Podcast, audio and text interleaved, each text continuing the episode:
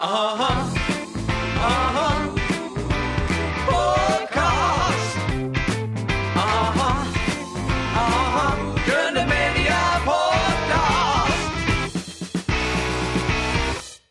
Välkommen Marika Karlsson till Grunden Media Podcast. Tack så mycket. Hur är det med dig idag? Jo, det är bra. Det är ju varmt och skönt ute Ja. också. Så det känns som sommaren kom idag. Ja, Ja. hur har dagen varit så här långt?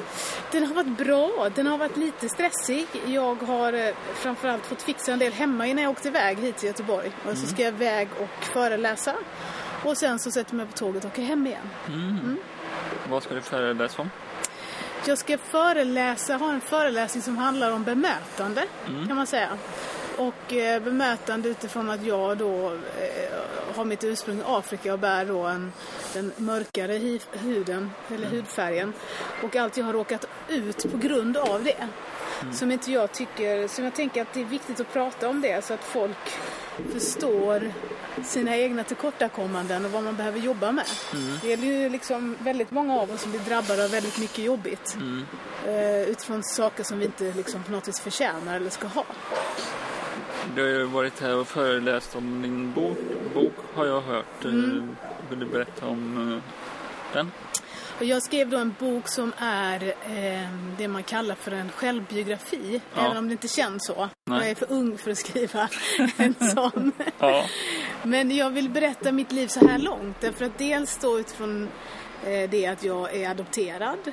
Jag har vuxit upp så som jag sa innan här i Sverige. Eh, och på den tiden jag växte upp så var vi inte alls många som var svarta. Och sen så växte jag dessutom upp i en frikyrklig sammanhang. Som jag till början med tyckte var fantastisk och som jag sen fick ganska tufft med. I mitt inre. Brottningar med Gud och Guds existens och så. Och sen så handlar den även om då min så att säga, resa, inre resa för att till slut våga komma ut som homosexuell. Mm. Så det är liksom, annars jobbar jag ju med humor och påstår mig vara ganska rolig. ja inte rolig. Det vet jag. Ja, men den här boken är lite allvarligare, lite, jag jagar inte skratten utan jag vill bara Nej. berätta min historia. Ja. Jag har sett jättemånga roliga klipp eh, på jobbet eh, med dig. Ja, kul! Ja, Och så var du på Diggiloo. ja och så var jag på Ja. Diggiloo. Ja. Och så var du på Mello va? Ja, Ja. Diggiloo i Halmstad och Ja. i Båstad eh, med min stora syster eh, Anna-Karin. ja. Så du var såg Diggiloo två gånger. Ja, Det är lyxigt! ja, det var jättekul. Ja. Och så du var i Halmstad och så var det för, inför en jättestor publik. Mm. Hur var det att stå på scen? Eh, Var du nervös eller?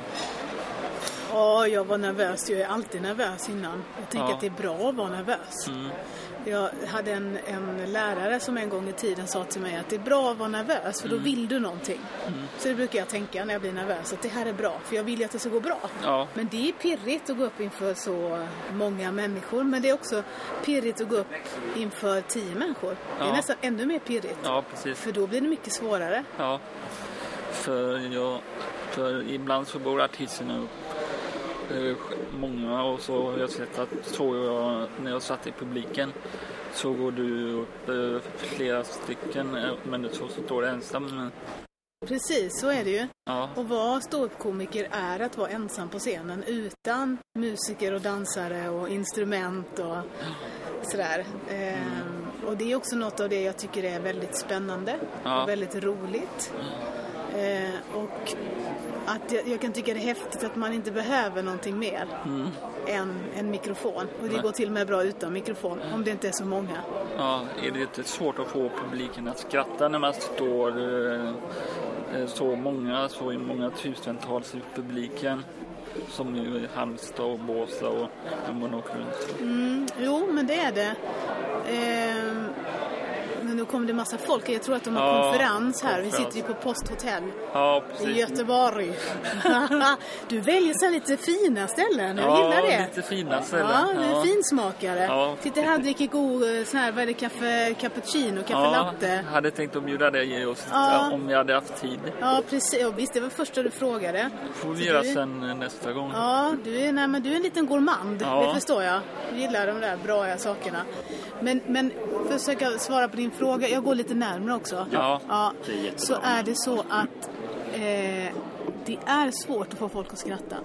Man brukar säga att man har max en minut på sig. Har ingen skrattat på en minut, då kan du gå hem. Det är en bra regel. Hur länge då så har det ett skämt? eh, Var får du dina idéer från? eh?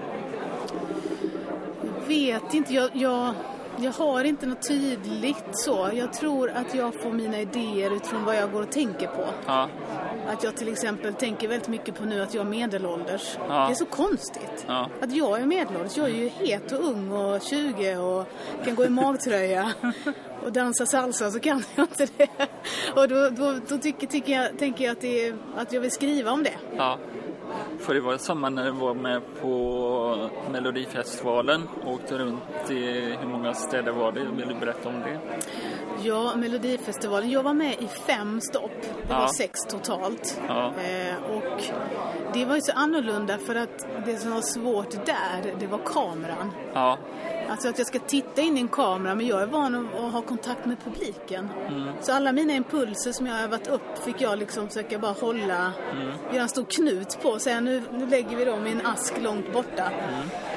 Så det var lite utmanande. Men samtidigt så var det kul. Det var ju det jag visste att det skulle vara. Så att man lär sig ju enormt mycket på det. Och man uttrycker sig i sin kropp på ett helt annat sätt i, framför en tv-kamera Ja. än vad du gör på en scen. ja, För att om jag skulle göra samma saker framför tv-kameran som jag gör på scenen så skulle du se det och tänka, oh vad hon överdriver, vad mycket hon är. Men när du ser det, eh, när du ser mig live så tycker du inte att jag överdriver. Så det är skillnaden. För du har ju olika kläder och scenkläder på dig på när du är på Melodifestivalen. Eh, Hur många, hur många scenbyten gör du per, på Melodifestivalen jämfört med när du är på, på den här, vad heter den? Typ Diggiloo och Ja, sådär. Diggiloo. Alltså det finns ju olika, när jag, när jag jobbar vanligtvis, det som jag tycker är mitt jobb, Mm. då är jag klädd som nu. Nu har jag lite snyggare t-shirt tycker jag själv. Håller du med? Ja, Mm. Ja. bra. Vad bra att du sa ja, annars hade jag blivit sur. och så har jag bara jeans och ett par skor. Men, och jag byter ju inte om då. Nej. Men när man gör såna större produktioner, Ja. då förväntas det nästan att man har en annan typ av kläder. Ja. Och under Melodifestivalen, jag satt ju sminket och gjorde smink och hår i två och en halv timme. Ja. Ja, inför varje program. Så jag är inte så snygg som jag var där. Jag hade löshår och smink och lösögonfransar och... Så de fixar det två timmar innan eh, olika... Var det någon som hade det själv då? Ja, jag hade faktiskt en tjej som jobbade med eh, nästan bara mig. Oj. Och det berodde bara på att jag, eftersom jag är mörkhyad, så är det inte så många som är riktigt duktiga på att sminka oss mörkhyade. Så jag hade faktiskt det mig från början att jag ville ha någon som jag visste var duktig på att sminka mig inför kamera.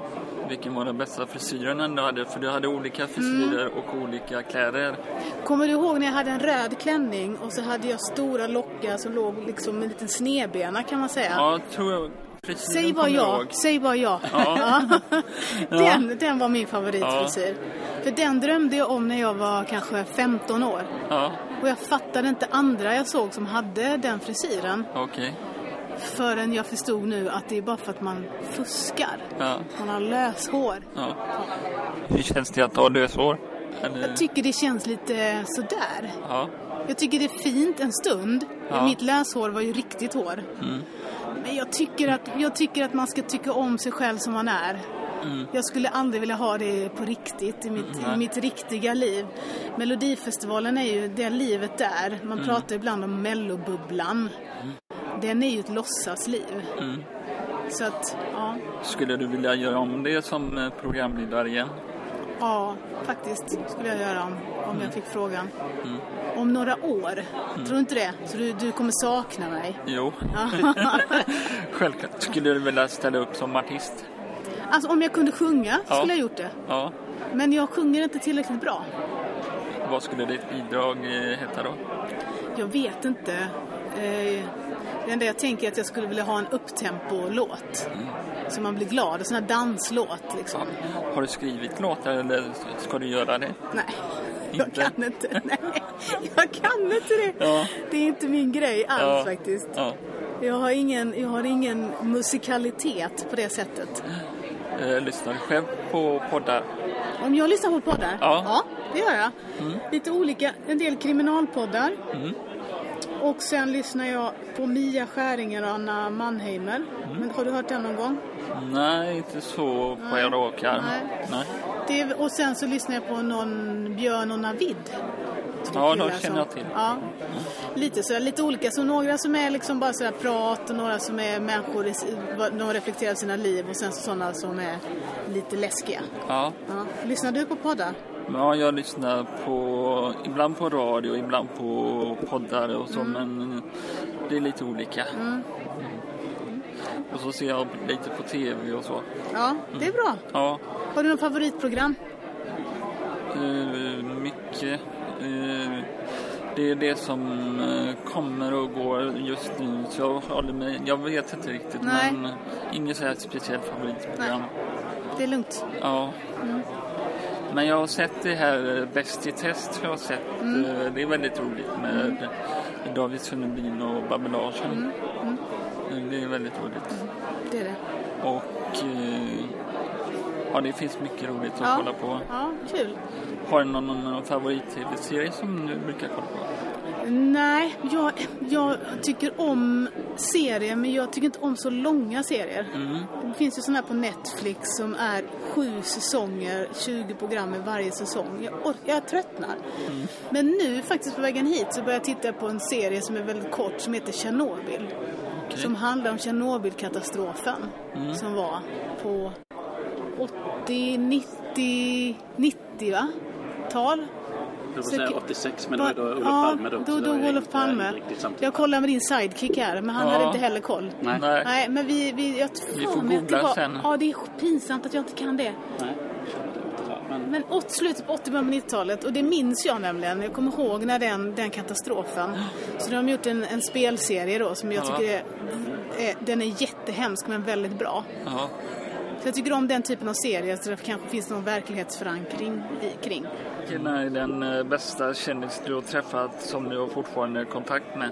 Då säger jag att jag har två stycken kollegor som jag umgås med. Men jag tror att den som du känner igen kanske mest är Robin Paulsson. Vet du vem han är? Var det komikern? Ja, han är som haft det här programmet Robins, eller Ja. har programmet. Ja, han- han, får jag säga då. Ja. Så ni umgås och... Inte jättemycket, men lite. Eh, och eh, han är liksom en vän. När han gjorde sitt första gig så gjorde jag mitt tionde gig. Så vi har följt varandra från början genom alla dessa snart 20 år. ditt första gig? Jag gjorde det 20- 2001 i januari. Jag är så dålig på datum. Men då gick jag en kurs i Stockholm. Ja. Och då skulle man i den här kursen uppträda på Norra Brunn. Som du säkert känner till. Ja, det gör jag. Adde. Malmbergs kurs Ja, då? Ja. precis. Och Det- då fick jag fyra minuter på, på scenen för en, en fullsatt salong så att säga. Det var jättemycket folk. Mm.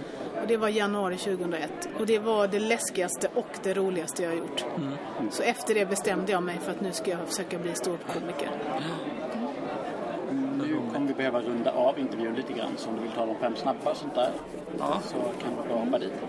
Ja, och- och så jag har en fråga från min stora syster här först. Mm, vad kul! Ja. Ja, hon var med i publiken i Halmstad. Och är din småländska familj verkligen eh, så som hon beskriver den? Nej, oftast är det ju så här när man försöker skoja om saker så det man brukar säga att man skruvar, man överdriver. Ja, Det- Det enda som är sant om min småländska släkt är att de finns. Och det är att de pratar småländska. Allt annat hittar jag på. ja. Och så fem snabba till Marika. Fem snabba. Eh, Vad ska det innebära fem snabba då? Att antingen eller, att man får välja antingen eller. Jag förstår. Okej. Husbil eller cykel? Oh, cykel! Bra Ja. fråga. Jag gillar båda. Eurovision eller Dalhalla? Dalhalla. Eh, Bok eller tidning? Oh, vilka bra frågor! Varför gör de så svåra? Det kunde gjort mycket lättare så här så man vet vad man ska välja. Ja. Bok eller tidning? Ja, men då säger jag, jag säger bok. Te eller kaffe? Åh, oh, lätt te. Ja. Vinyl eller Spotify? Ah, jag måste säga vinyl. Jag måste vara trogen min generation va. Får jag fråga, upplevde du vinylen? Du, du är yngre än mig eller hur? Ja, jag har, jag har fått in några vinyler nu så jag ska köpa en sån här vinylspelare. Ja, gör det. Det är knastret alltså. När du har lagt LPn där, Ja. ska ha den här lilla pinnen som... Och så stoppar du ner innan låten går igång. Det där... Har du ju också vinyl hemma? Nej, inte längre. Ja. Men jag hade det. Oj, vad jag tog hand om mina skivor. Jag hade en speciell liten borste som jag dammade av. Man fick göra det med de här vinylerna. Mm. Utan att repa då. Så man tog utifrån och så jobbade man sig inåt under tiden skivan rullade. Aj, Ja, jag måste ha. Ja. Jag har fått två. En utav eh, Bob Hunst då som jag har intervjuat och, Mm. och sen Jens Lekman. Jens Lekman. Hade jag haft en vinyl som jag hade spelat in hade du fått den av mig. Då, jag har lovat att du ska få min bok. Ja, då är jag på King och nu, om nu släpper ett album. ja. Ja, vad kul. Och så har vi några som heter Följdfrågan där du får välja gäst. Ja, okej. Välja gäst. Då väljer jag Emma Knyckare. Henne ska du prata om. Hon bor i stan. Mm. Ja. Det ska vi göra. Tack för intervjun. Tack så mycket. Tack för att jag fick komma. Ja. Ja, ta hand om dig. Du får Ja. en kram också. Synd att det inte var längre. Ja, jag vet. Det blev lite stressigt. Ja. Men det var ju bättre detta än inget, Ja. tänker jag. Ja, och, och mycket trevligare än en telefonintervju också. Ja, mycket Ja. trevligare. Ja, och vi kommer springa på varandra igen. Det känner Ja, jag det på gör mig. vi. Ja. Så får du komma in.